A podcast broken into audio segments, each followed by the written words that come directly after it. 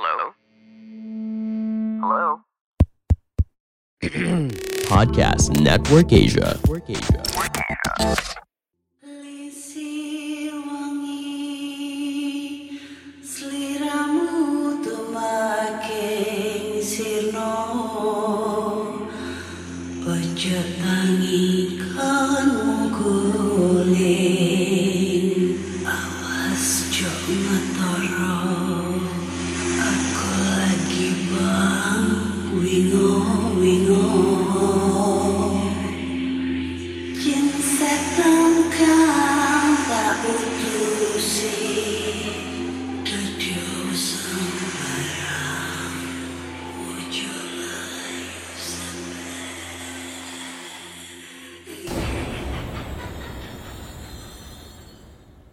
Hai Rek, ya apa kabar Ketemu lagi dengan aku si Ana di podcast kisah horor.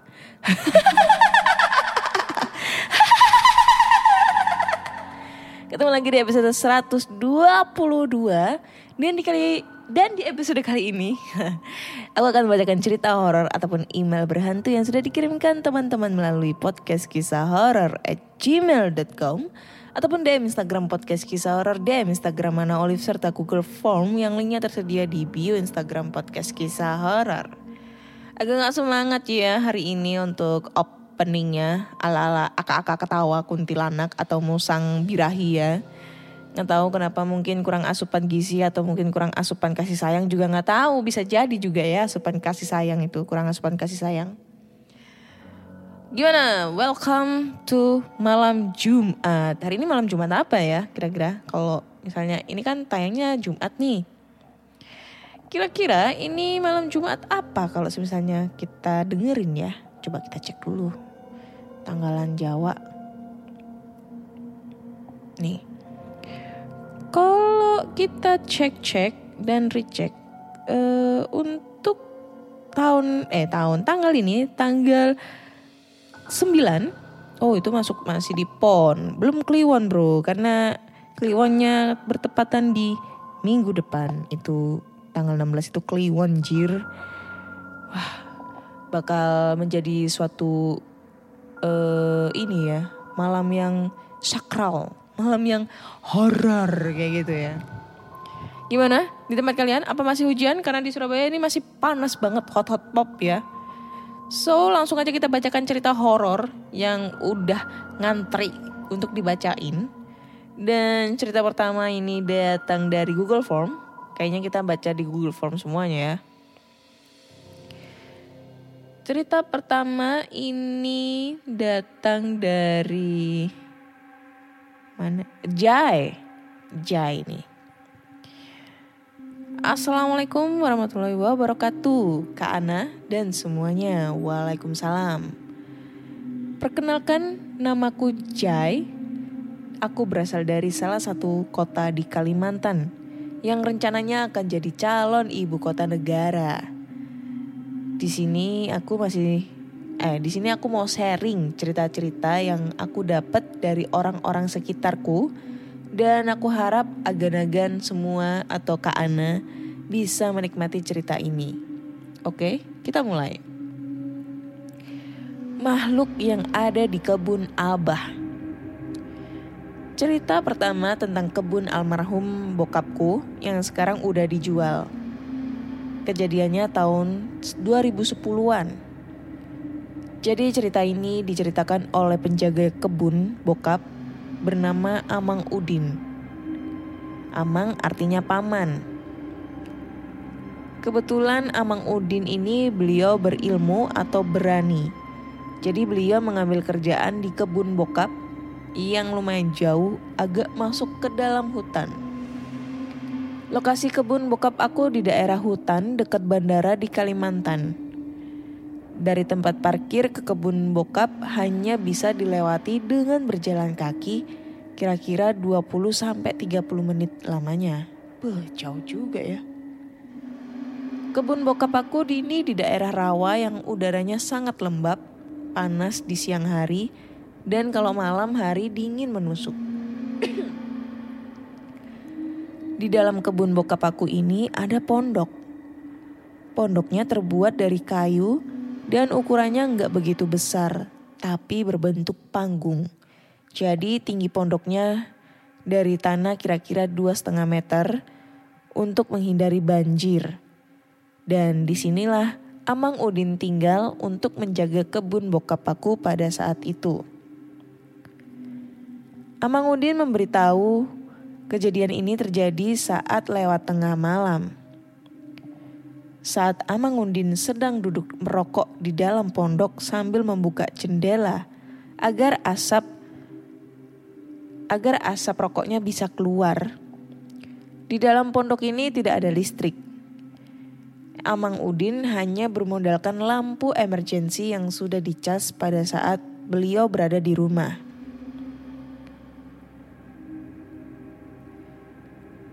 Waktu kira-kira menunjukkan pukul setengah dua dini hari.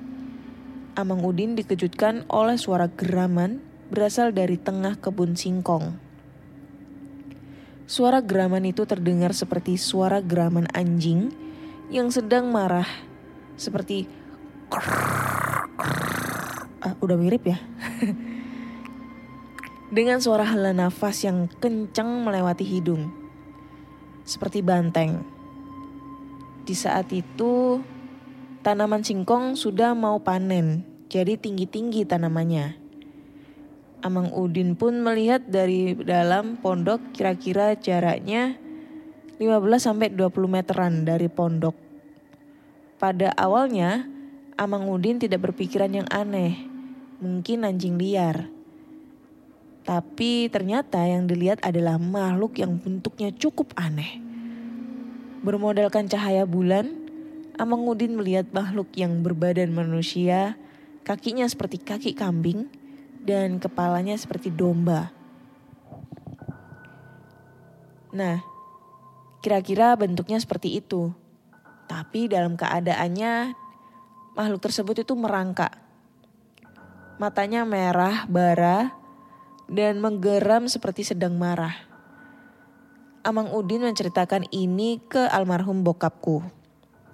Nah, perlu diketahui kak, emang Amang Udin ini orangnya sangat tradisional dan jarang menon- menonton televisi apalagi film. Dan dia cerita ini sangat vivid. Vivid itu apaan sih? Sangat mendeskripsikannya lah. Det- detail mungkin ya, de- detail mendeskripsi mendeskripsikannya. Anjir belibet bro. Pada saat itu Amang Udin orangnya sangat berani. Jadi beliau bertanya sambil setengah berteriak ke makhluk itu. Ada apa gerangan kamu ke sini menampakkan diri? Makhluk itu tetap diam di tempat sambil menggeram dan di saat Amang Udin mengerahkan mengarahkan senternya ke makhluk itu, dia lari ke arah belakang masuk ke dalam hutan. Tapi belum selesai di situ ceritanya. Selang selang 30 menit setelah kejadian itu, Amang Udin masih memikirkan kejadian itu. Di saat beliau ingin menutup jendela dari dalam hutan, terdengar suara geraman. Tapi bukan hanya satu makhluk. Suara geraman itu terdengar banyak dan dari kegelapan hutan banyak mata bercahaya merah bara api yang sedang menatap ke arah pondok Amang Udin. Setelah itu Amang Udin bergegas menutup jendela dan bergegas tidur sambil membaca doa. Nah, kejadian ini terjadi hanya pada malam itu aja. Setelah itu tidak pernah lagi terjadi. Tapi di saat pagi hari, Amang Udin mengecek banyak tanaman singkong yang menjadi layu di sekitar tempat makhluk itu berada pada malam itu. Entah makhluk apa yang dilihat oleh Amang Udin pada malam itu. Ada yang bilang itu jin. Ada yang bilang itu siluman. Hanya Allah Subha- Subhanahu wa taala yang tahu. Sekian cerita dari aku, Kak. Sebenarnya masih banyak cerita yang aku simpen, yang aku dengar dan terjadi di tengah pulau Borneo ini. Mungkin di kesempatan selanjutnya aku akan update. Terima kasih dan wassalamualaikum warahmatullahi wabarakatuh. Waalaikumsalam warahmatullahi wabarakatuh. Thank you banget Jai untuk ceritanya ya. Kalimantan ya. Kalimantan itu eh, pulau dengan banyak hutan dan you know lah kalau kita tinggal di sekitaran hutan itu banyak banget hewan buas. Apalagi horornya tuh dapat banget ya kerasa banget kalau kita tinggal di daerah hutan. Apalagi nih si Amangudin. Eh Amangudin ya namanya ya? Lupa gue namanya. Iya Amangudin. Amangudin ini keren banget anjir. Dia tinggal di hutan sendirian ngejaga eh, kebunnya yang tempatnya itu jauh banget gitu loh dari perkampungan. Ya harus jalan apa dari bandara ya. Dari tempat parkir aja harus jalan kaki. 20 sampai 30 menit. Bayangin bro. Seberapa jauhnya kita melosok ke dalam dan seberapa jauhnya kita itu eh, berada di suatu tempat yang jauh dari peradaban ya ibaratnya ya. Kalau misalnya kita mati di situ juga gak ada orang yang tahu anjir. Ya kan? Jarang banget orang ke sana tapi Amang Udin ini is the best. Dia berani anjir. Ya mungkin karena eh, udah menjadi kebiasaannya kali ya eh, biasanya tuh kalau orang pedalaman pedalaman itu eh, maksudnya yang ibaratnya itu sudah biasa gitu dengan mengalami kejadian seperti itu tuh udah udah ini ya udah mentar banget. Apa sih? Udah kebal anjir. Udah kebal dengan hal-hal yang kayak gitu tapi kalau menurutku sih ini mungkin bisa jadi itu siluman ya kan? Kan kebanyakan tuh siluman itu eh perwujudan setengah manusia setengah hewan ya kan? Rata-rata kayak gitu. Tapi bisa jadi juga ini manusia jadi-jadian iya kan? Manusia manusia jadi-jadian tuh banyak banget. Di Kalimantan tuh ada kuyang bro. Kuyang itu juga manusia jadi-jadian.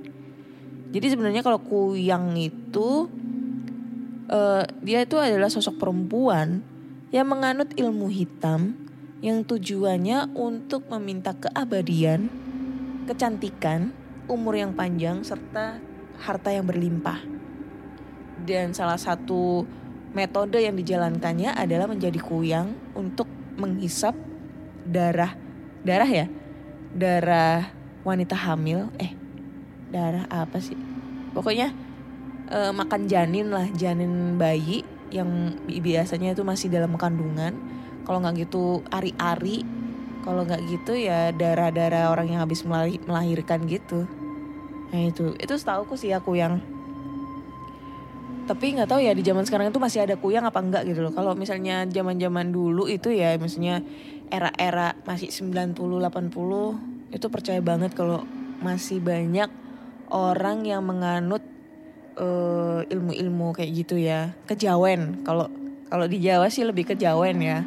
Tapi kalau semakin perkembangannya zaman ini semakin modern itu mungkin agak sedikit sih. Tapi nggak tahu ya kalau sekarang ya karena lagi pandemi mungkin orang bakal menghalalkan segala cerita. Karena baru kemarin nih ya kemarin nih gue ngeliat di Instagram ada salah satu berita bahwa di daerah Sulawesi Selatan di daerah Goa itu ada sekeluarga yang mencongkel mata anaknya sendiri sebelah kanan hanya untuk mendapatkan kekayaan. Jadi mereka tuh kayak eh, menganut pesugihan ya, Me- apa ya? Karena adanya pandemi, dianya paceklik, kekurangan dan apa ya ibaratnya tuh dilanda kemiskinan ya karena kekurangan serba kekurangan karena pandemi akhirnya dia sekeluarga itu ya kakek paman ayah ibu. Kalau nggak salah terakhir tuh ayah ibunya itu masih dalam kondisi apa gitu di rumah sakit jiwa gitu kan. Sedangkan ayah eh sedangkan kakek sama pamannya sudah dijadikan tersangka. Itu datang ke ke orang pinter untuk ibaratnya meminta sebuah kekayaan dan orang tersebut itu memberikan syarat yaitu memberikan tumbal. Nah, tumbalnya ini mencongkel mata anaknya sendiri yang masih usia 6 tahun. Gila kan itu? Untungnya itu ya bukan untung sih sebenarnya, cuma eh waktu tetangga-tetangganya itu menyelamatkan mata sebelah kanannya tuh sudah tercongkel. Gak kebayang dong kalau misalnya itu jadi anggota keluarga kalian ya ada di anggota keluarga kalian terus tiba-tiba salah satu anggota keluarga kalian dijadikan tumbal oleh orang lain, seberapa sedihnya kita ya melihat kejadian tersebut. Cuma ini udah tega banget seluruh anggota keluarganya, bapak, ibu, kakek, sama pamannya yang melakukan itu. Dengan kebodohan yang tidak manusiawi menurutku. Itu deh. Jadi please jangan ditiru. Kita bisa ya kita memang maklumi karena pandemi ini kita menjadi serba kekurangan. Dampak PPKM juga membuat kita serba bingung untuk mencari nafkah atau mungkin ya sedang apa ya mencari pekerjaan juga susah tapi setidaknya kita harus berpikir dengan uh, pola pikir kita yang sehat jangan berpikir yang negatif dengan cara pendek apalagi sampai timbul pikiran untuk menumbalkan gitu ya. Jangan sampai. Miris banget sumpah. Oke next kita lanjut ke cerita berikutnya. Cerita berikutnya adalah kantor berhantu. Oke. Selamat siang, eh selamat siang. Ini udah semalam anjir. Kak Ana dan teman-teman podcast kisah horor. Jadi kali ini aku akan menceritakan tentang kejadian di kantor yang katanya kantor ini adalah berhantu. Langsung aja ke ceritanya ya kak. Part 1, kantor Juanda. Cerita ini datang dari mamahku, nyokap ya dia bilang, nyokap aja lah. Nyokapku yang langsung mengalami kejadian ini di kantor beliau. Kenapa aku beri judul kantor Juanda? Karena letak kantor ini berada di jalan yang bernama Jalan Juanda. Oke, kita mulai. Nyokap aku adalah seorang karyawati di salah satu BUMN. Beliau sudah mengabdi selama hampir 30 tahun di kantor BUMN ini. Cerita ini terjadi pertengahan tahun 2010. Kantor nyokap aku kedatangan bos baru karena di kantor nyokap aku ini mengadakan rotasi manajer setiap beberapa tahun sekali yang datang dari berbagai penjuru Nusantara. Karena jabatan nyokapku di kantor adalah supervisor yang bisa dibilang beliau adalah wakil manajer di kantor itu. Kejadian aneh pertama. Bos baru nyokap aku ini datang dari Pulau Sulawesi. Beliau bisa dibilang oleh adalah orang yang mempunyai indera keenam atau kemampuan untuk berkomunikasi dengan makhluk gaib. Pada awal bos baru ini datang, banyak kejadian aneh atau yang janggal yang sering terjadi di kantor nyokap aku. Pada satu hari, nyokap aku dikejutkan dengan gudang penyimpanan barang yang porak-poranda seperti diterjang angin badai. Kotak-kotak barang berserakan anehnya. Eh, kotak-kotak barang berserakan.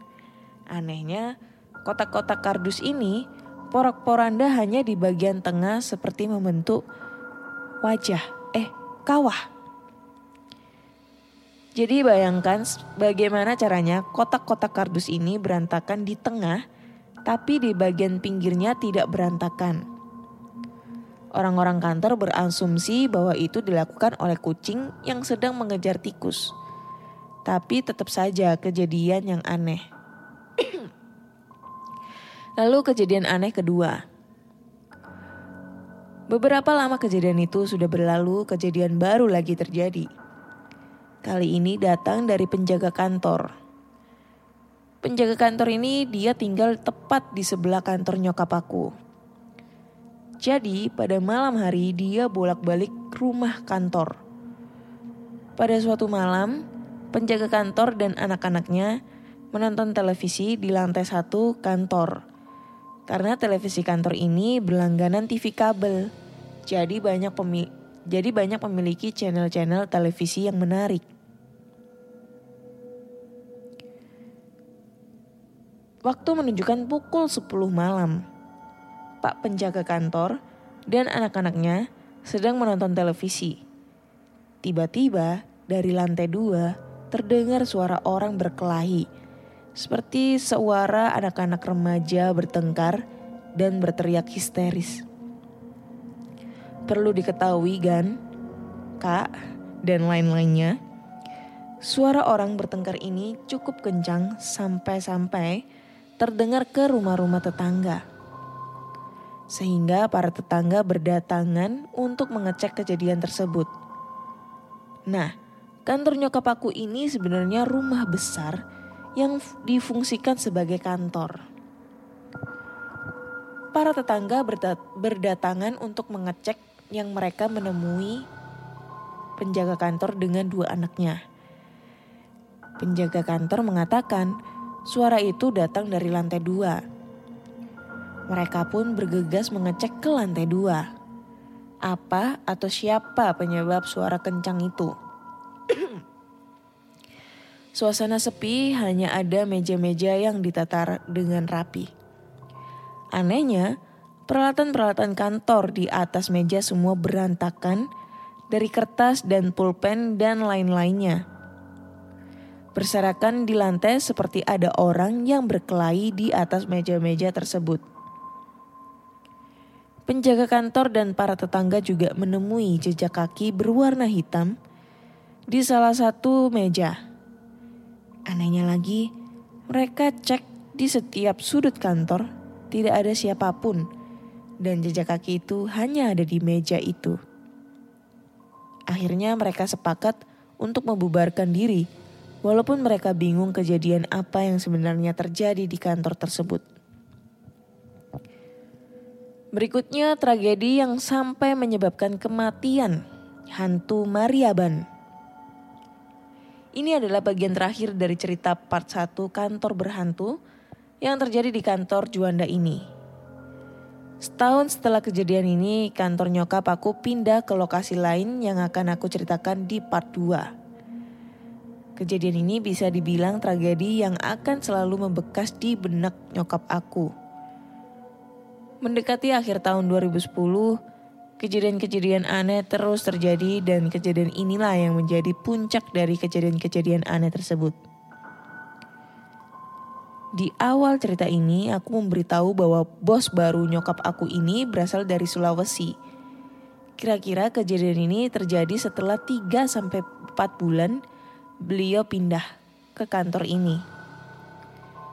Di awal juga aku sebutkan bahwa bos nyokap aku ini memiliki ilmu untuk berkomunikasi dengan makhluk gaib. Tapi hal inilah yang membuat tragedi ini terjadi. Dikarenakan jengkel dengan kejadian-kejadian aneh yang terus terjadi, beliau akhirnya memutuskan untuk berkomunikasi dengan makhluk gaib yang ada di kantor. Akan tetapi, beliau melakukan kesalahan, yaitu ber beliau berkomunikasi dengan nada mengancam. Ini aku kutip dari yang beri, diberitahu oleh nyokap ya kak. Bos nyokap aku ini mengatakan, Ayo, tunjukkan wujudmu. Ayo cepat maju. Saya tidak takut. Di depan rumah kau nanti akan ada bendera kuning. Nyokap aku yang ada di saat itu mengatakan untuk tidak mengatakan seperti itu. Nyokap aku memberitahu kepada bosnya bahwa ini bukan tempat asal bapak. Tolong jangan berkata seperti itu. Tapi bos nyokap aku berkata, tidak apa-apa bu, saya sudah biasa yang seperti ini. Inilah kesalahan fatal yang dilakukan beliau. Seminggu setelah berkomunikasi, anak perempuan beliau yang masih berumur 4 tahun sakit keras sudah dibawa ke dokter berkali-kali dan tidak ada yang tahu apa penyebab dari sakit ini. Akhirnya beliau memutuskan untuk membawa anaknya ke pengobatan alternatif atau dalam bahasa ke dukun. Nyokap aku menyarankan bosnya untuk manggil kenalan sebut saja Ibu M. Ibu M ini bisa dibilang orang yang bisa mengobati hal-hal yang berhubungan dengan hal-hal metafisika. Seperti kayak Ibu Ningsih Tinampi. Akhirnya dipanggillah Ibu M ini untuk mengobati anak bos nyokap aku ini. Pertemuan pertama dilakukan pada hari Rabu siang. Ibu M mulai mengobati anak bos nyokap aku ini. Ia pun berangsur-angsur membaik yang awalnya menangis terus seperti kesakitan, akhirnya sudah mulai tenang. Untuk pengobatan hari ini, hari Rabu, disudahi dulu. Akan disambung besok, hari Ibu, eh besok hari. Dan Ibu M pun pulang ke rumah. Pada malam harinya, di saat Ibu M tidur, beliau bermimpi ditemui oleh makhluk berbadan besar hitam dan berbulu, eh, ya, dan berbulu, bermata menyala merah, kuku-kuku panjang yang terlihat seperti dilumuri darah. Dan memperingati Ibu M untuk berhenti mengobati. Berhenti kau mengobati anak itu. Kalau kamu tetap mengobati anak itu, kamu juga akan ikut mati. Kamu tidak ada urusan dalam semua ini. Kalau kamu tetap menyampuri urusan ini, kamu akan kami bawa juga. Pada keesokan harinya, hari Kamis yang dijadwalkan, Ibu M tidak bisa datang dan mengatakan sudah tidak bisa lagi mengobati. Pada Kamis malam, anak perempuan bos nyokap aku pun meninggal dunia anak perempuan manis yang masih berumur 4 tahun. Setelah kejadian itu, bos nyokap aku kembali ke Sulawesi untuk menguburkan anaknya dan memutuskan untuk tidak kembali lagi. Ada pepatah mengatakan, di mana bumi dibijak, di situ langit dijunjung. Haruslah kita mengikuti atau menghormati adat istiadat di tempat tinggal kita. Sekian dan terima kasih kak. Oke. Thank you banget buat ceritanya. Agak sedikit panjang ya ceritanya ya. Ah, Gimana ya? Ini Juanda mana sih? Juanda Surabaya ya? Kalau di Surabaya sih Juanda lebih ke jalan ini ya. Jalan utama sih, jalan besar. Tapi kalau aku dengar dari dengar ceritanya si Mas siapa ini nggak nyebutin namanya lagi anjir itu lebih kayak ke kompleks sih ya rumahnya itu ya. Karena eh, apa kantornya ya. Karena yang dia bilang itu adalah ru- eh, kantornya itu berupa rumah besar yang dijadikan kantor kayak gitu. Jadi lebih kayak ke kompleks. Mungkin bukan di Surabaya kali ya. Soalnya Juanda juga banyak ya yang pakai nama Juanda di seluruh Indonesia di Pacitan ada, di Malang ada, di Jakarta ada, di Surabaya ada, di ya di mana-mana lah. Cuma nggak dia tidak menyebutkan detailnya itu di daerah mana. Dan setauku mungkin ya, menurutku ya, ini mungkin hantu ini adalah penunggu sebelum eh, bangunan itu dibangun, ibaratnya kayak gitu. Sebelum bangunan bangunan itu dibangun, eh, sudah ada penunggunya yang lebih sesepuh karena bisa dilihat eh, ilmunya apa dalam arti kekuatan si makhluk tersebut itu sangat gede sehingga bisa menghilangkan nyawa orang lain. Itu bahaya banget anjir. Kalau sampai sampai makhluk halus makhluk goib lah jangan bilang makhluk halus makhluk goib bisa mencelakain orang lain atau sampai buat kematian berarti itu kan ilmunya udah tinggi banget tuh. Bisa dikatakan kasta siluman ya iblis atau apa pun lah. Kalau setan-setan biasa sih enggak ya. Pocong atau mungkin kuntilanak enggak juga sih. Kecuali kalau misalnya pocong hitam kuntilanak hitam itu kan dia kan metode metode untuk apa ya untuk santet.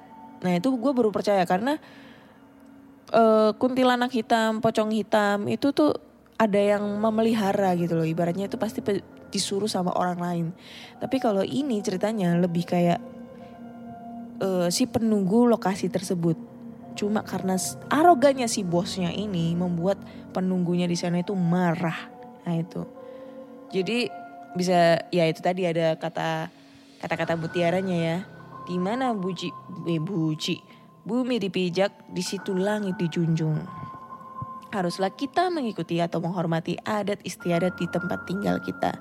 Jadi mau kamu di mana aja, mau kamu di kotamu sendiri atau di tempat orang lain, setidaknya kalian harus saling menghormati men- menjaga tata krama kalian supaya tidak terjadi hal-hal yang tidak diinginkan. Kayak gitu. Panjang ya ceritanya. Oke. Next, lanjut ke cerita terakhir ya. Banjir. Karena jam udah menunjukkan setengah dua dini hari anjir. Udah mulai, mulai, mulai, ah, merinding-merinding disco. Ini sambil main domino hex nih. Nyari chip anjir. Oke. Cerita berikutnya. Ini datang dari anjir lah siapa lagi nih. Dari siapa ini anjir? Gak ada namanya. Ntar gue baca. Oh dari Dian. Namanya Nyimpil. Dari Dian. Dan judulnya adalah Pesugihan Mayat Hidup. Anjir lah. Ini ceritanya serem-serem kayaknya nih ya. Assalamualaikum warahmatullahi wabarakatuh. Waalaikumsalam. Selamat malam Kak Ana. Kali ini aku akan mencerita atau sharing tentang kejadian mistis yang ada di tengah pulau Kalimantan lagi. Tanah kelahiranku. Anjir, kali ini dua cerita Kalimantan ya. Oke langsung saja kita mulai kak. Cerita ini aku dapat dari Amang Wameng. Ini dua cerita dari Kalimantan, nggak nggak sengaja ya karena aku kan bacainnya secara berurutan ya. Tapi ini beda-beda pengirim. Dari Amang Irah. Jadi Amang itu paman kak disebutnya di sini. Beliau bekerja sebagai super, supir mobil travel milik keluarga aku. Amang Irah ini setiap hari berpergian dari Kalimantan Tengah ke Kalimantan Selatan untuk mengantarkan penumpang. Jadi banyak cerita yang dia dapat selama menjadi supir. Kejadian ini terjadi di tahun 2005-an. Di saat itu Amang Irah belum bekerja dengan keluargaku kak. Tapi beliau sudah menjadi supir pada saat itu. Pengalaman ini dia alami sendiri, yaitu mengantar orang yang ingin melakukan pesugihan. Amangira menceritakan bahwa orang yang ingin melakukan pesugihan ini adalah teman atau kenalan satu kampung dengan beliau. Sebut saja si A. Si A ini bisa dibilang preman kampung yang tidak takut dengan apa pun. Terdesak oleh keadaan ekonomi yang sangat buruk, menyebabkan si A ini menjadi putus asa dan bertekad ingin melakukan pesugihan untuk keluarganya. Nah, si A berkonsultasi dengan orang yang tahu bahwa pesugihan ini ada. Sebut saja si B. Nah, si B bisa dibilang juru kunci untuk pesugihan tersebut. Si B inilah yang mengajak Amangira sebagai supir untuk mengantar mereka. Setelah berbincang dan rencana sudah disiapkan, mereka bertiga bergegas untuk pergi menggunakan mobil travel yang dibawa Amang Ira. Waktu menunjukkan pukul 21 lewat 30. Suasana gelap dan mereka on the way menuju lokasi pesugihan tersebut. Beberapa jam kemudian sampailah mereka ke daerah yang dibicarakan. Jalan yang mereka lewati adalah jalan tanah yang tidak beraspal, tapi alangkah terkejutnya Amang Ira melihat ujung dari jalan tanah liat tersebut. Di sana terdapat rumah mewah, yang anehnya di sekelilingi rumah mewah tersebut tidak ada rumah lain, hanya ada hutan Kalimantan yang lebat. Dan kalau dilihat dari luar, di rumah ini hanya ada satu ruangan yang diterangi cahaya lampu 5 watt yang berwarna orange. Tidak lama setelah itu mereka bertiga keluar dari mobil dan segera masuk rumah tersebut. Di dalam rumah mereka, di dalam rumah mereka disambut oleh dua orang, seorang laki-laki muda dan wanita parubaya. Mereka berdua berpakaian dengan pakaian mewah bermerek. Dan si wanita memakai perhiasan yang banyak. Amangira bingung melihat mereka berdua.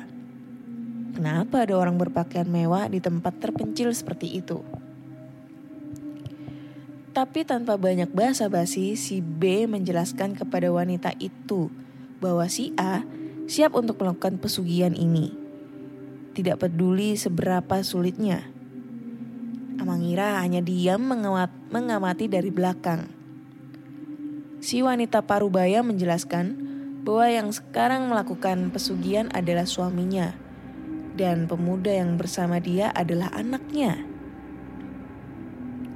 Si wanita itu menjelaskan bahwa sang suami sudah melakukan pesugihan ini selama 18 tahun. Sejak si anak berusia 5 tahun. Si A tampak tidak terlalu peduli dan hanya ingin melakukan ini dengan cepat. In, wanita parubaya itu pun memandu mereka semua ke sebuah ruangan dengan pintu yang terbuat dari besi dan digembok dengan rantai. Di dalam ruangan itu terdengar suara seperti suara orang yang kesakitan. Seketika setelah pintu itu dibuka, langsunglah tercium bau busuk yang sangat menyengat. Banyak lalat yang terjebak di dalam ruangan kabur keluar. Si wanita menghidupkan lampu yang ada di dalam ruangan dan alangkah terkejutnya si A dan Amang Irah melihat apa yang di dalam ruangan tersebut. Mereka melihat tubuh yang sangat kurus dan dipenuhi dengan luka dan bisa dibilang bahwa itu terlihat seperti mayat yang setengah badannya dari ujung kaki sampai perut sudah ditutupi oleh semen seperti kuburan. Anehnya, tubuh yang seperti mayat tersebut masih mengeluarkan suara seperti suara orang kesakitan. Si wanita menjelaskan bahwa sang suami sebenarnya sudah menjadi seperti itu sejak bertahun-tahun yang lalu dan hanya memakan daging sapi mentah sebanyak 10 kg per hari. Pesugihan ini menyebabkan yang melakukan pesugihan kehilangan akal sehat, melukai diri sendiri, dan hanya memakan daging mentah setiap hari. Dan cara agar kaya adalah apa pun yang dibisniskan akan selalu sukses dan berhasil karena pesugihan tersebut. Dan satu-satunya cara untuk menggantikan pelaku pesugihan itu adalah hanya dengan lidah bersentuhan dengan lidah seperti menyambut setan atau parasit yang ada di tubuh si mayat hidup. Sontak si A yang pada awalnya sangat pemberani, nyalinya ciut dan langsung lemas mundur tiga langkah dan menyatakan dirinya tidak siap untuk menjadi seperti itu dan menangis ingin segera pergi di tempat itu. si B memahaminya dan menyarankan untuk pulang. Amang Ira pun masih mencoba untuk mempercayai, mempercayai matanya apakah yang dia lihat itu nyata atau tidak. Setelah itu mereka bertiga bergegas untuk pulang dan sepakat untuk tidak mengingat-ingat kejadian itu pernah terjadi. Di dunia ini, jika ingin kaya, harusnya bekerja keras dan berdoa, bukannya memilih jalan pintas. Sebanyak apa pun harta yang tidak akan dibawa mati dan harus dipertanggungjawabkan di akhirat nanti. Sampai sekarang, kabarnya rumah mewah di tengah hutan ini masih ada. Dan beberapa lama sekali, ada mobil mewah yang parkir di depan rumah itu. Anjir.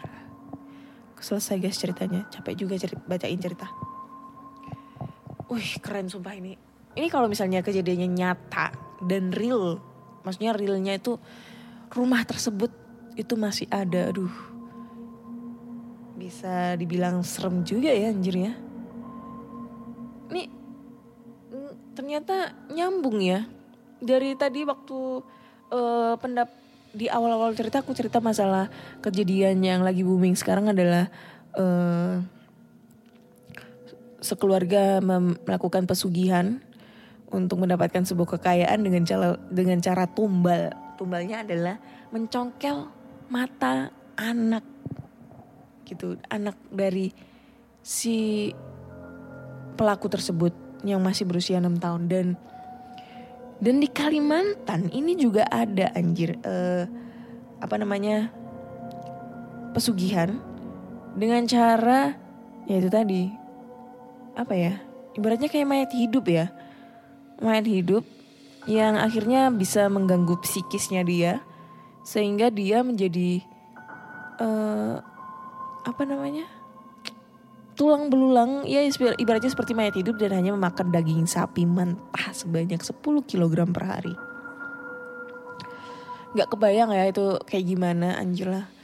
Daging mentah 10 kilo per hari. Amisnya kayak gimana enaknya kayak gimana anjir ya kan? Apalagi dia tuh kayak udah jadi tulang belulang dan udah disemen gitu. Ibaratnya katanya tuh kayak separuh badannya tuh disemen supaya dia nggak bisa ke mana-mana dan bau busuknya itu ke mana-mana. Iya iyalah bau busuknya tuh mungkin dari sisa-sisa daging atau pupnya dia ya kan? Sehingga menimbulkan juga bisa jadi suatu penyakit ya. I don't know kenapa dia bisa, belum bisa mati tapi kalau kata orang-orang nih ya orang-orang kalau semisalnya ada manusia yang eh, menganut ilmu hitam atau mungkin punya pegangan ya. Dan pada saat itu dia sedang keadaannya lagi sakit atau mungkin sudah tua dan gak bisa mati. Atau ibaratnya tuh sudah sakit-sakitan banget gitu tapi susah untuk meninggal ya. Eh, ibaratnya Iya pokoknya susah meninggal tapi mereka tuh kayak dia tuh kayak merasa kesakitan terus. Itu bisa jadi karena dia masih punya anutan ilmu hitam itu atau pegangan. Karena katanya sih kalau kalau seseorang ya ibaratnya kayak dukun atau apa pun itu yang punya pegangan itu susah banget untuk mati. Dan bisa matinya kalau dia bisa dilepas pegangannya itu. Ya per- perlu dengan ritual-ritual juga sih karena ini kejadian banget eh, beberapa bulan yang lalu ya jadi eh, aku punya temen nih ya mungkin udah di atasku jauh lah jadi dia tuh punya suami. Kebetulan eh, bapaknya si suami ini itu udah sepuh dan lagi sakit parah banget. Sampai tulang belulang nggak bisa jalan nggak bisa ngapa-ngapa. Setiap hari cuma bisa ganti popok doang. Sampai kadang itu baunya aduh apa ya? Padahal dia tuh nggak ada riwayat diabetes. Tapi eh kayak dia tuh ngeluarin nanah di kakinya dan baunya busuk banget gitu katanya. Tapi dicek di kedokteran itu nggak punya diabetes gak punya penyakit apa-apa. Jadi ibaratnya tuh ya nggak tahu sih ini penyakit dari mana gitu kan. Tapi kondisinya tuh sangat mengenaskan karena aku dulu pernah dilihat diliatin fotonya. Terus dia juga pernah tanya aku untuk gimana caranya bisa mencari orang yang bener-bener pinter atau mungkin ustadz yang pinter banget yang bisa eh, ngelepas eh, pegangannya dia. Dalam dalam hal tanda kutip itu ilmu hitamnya dia. Jadi dia tuh udah nyari berapa orang sampai Ning Siti Nampi pun itu tidak bisa. Karena memang si si bapaknya tersebut itu tidak rela untuk melepaskan pegangannya dia. Sampai akhirnya dia susah meninggal. Terus beberapa bulan berikutnya, tepatnya di dua, dua tiga bulan yang lalu, akhirnya bapaknya eh, bapak mertuanya temanku ini sudah dipanggil sama yang maha kuasa. Dan kondisinya sangat sangat sangat mengenaskan. Dan itu bisa lepas dari pegangannya itu harus mendatangkan lima ustadz. Bayangin dong lima ustadz cuma buat eh, ibaratnya melepas melepas semua yang ada di dalam bapak diri bapak itu. Karena konon katanya sih ceritanya sih bapak tersebut itu memang menganut ilmu hitam. Atau bisa dibilang pada saat masa mudanya dia itu menjadi dukun gitu di daerah di kotanya dia. Kayak gitu. Jadi masa mudanya itu dia udah jadi dukun eh, dia menganut banyak banget ilmu hitam yang ibaratnya itu dia juga punya ilmu untuk kekebalan diri ilmu panjang umur dan lain-lain. Tapi pada saat di hari tuanya itu sangat menyiksa di dalam dirinya. Sedangkan kalau misalnya dilepas pun dia tuh tadinya tuh nggak mau. Karena pengen hidup abadi. Tapi dari itu juga efek sampingnya itu membuat badannya kurus kering, selalu mengeluarkan bau busuk, padahal dicek di medis itu tidak ada penyakit apa pun. Kayak gitu. Serem banget anjir, sumpah. Ini kejadian real banget sih. Tapi gue nggak bisa ngasih tahu fotonya kayak gimana ya modelnya. Ya ang- kalian bayangin aja kalau misalnya kalian ketemu apa ngelihat oh, ngelihat orang yang kurus kering tinggal tulang belulang sama kulit. Nah itu kondisinya tuh seperti itu, mengenaskan. Kayak gitu. Jadi ya so aku ingetin lagi lah di di pandemi kayak gini kalian harus berpikir sehat ya, nggak usah nggak usah berpikiran aneh-aneh sampai harus eh, ke dukun untuk mencari jalan pintas. Me- supaya mendapatkan kekayaan nggak usah lah. Kerja aja deh kerja apa pun yang penting halal. Kalian kerja jualan koran juga halal juga. Yang penting niat tekad dan doa itu yang bisa melancarkan kita supaya kita mendapatkan rezeki nah itu. Apalagi di zaman yang kayak gini. Apalagi sekarang kan kalau di Surabaya sekarang sih udah turun ya levelnya. Di Jawa udah turun jadi level 2 nggak kata nggak ngerti kalau di lokasi lain. Tapi ya kita doakan semoga pandemi ini cepat berakhir ya supaya supaya penderitaan kepada masyarakat lain itu bisa bisa selesai gitu, bisa menjadi suatu eh ini ya. Apa? Kehidupan baru. Nah, itu. Apalagi sekarang sekolah udah mulai tatap muka. Nah, itu. Ini sudah menjadi tanda-tanda kalau Indonesia udah mulai bangkit, guys. Kayak gitu. Oke, thank you banget buat semuanya semuanya yang udah kirim cerita ini. Ceritanya tuh makin lama makin greget ya. Cuma akhir-akhir ini agak kurang kurang greget aku ngebacainnya karena ya karena suatu problem gitu.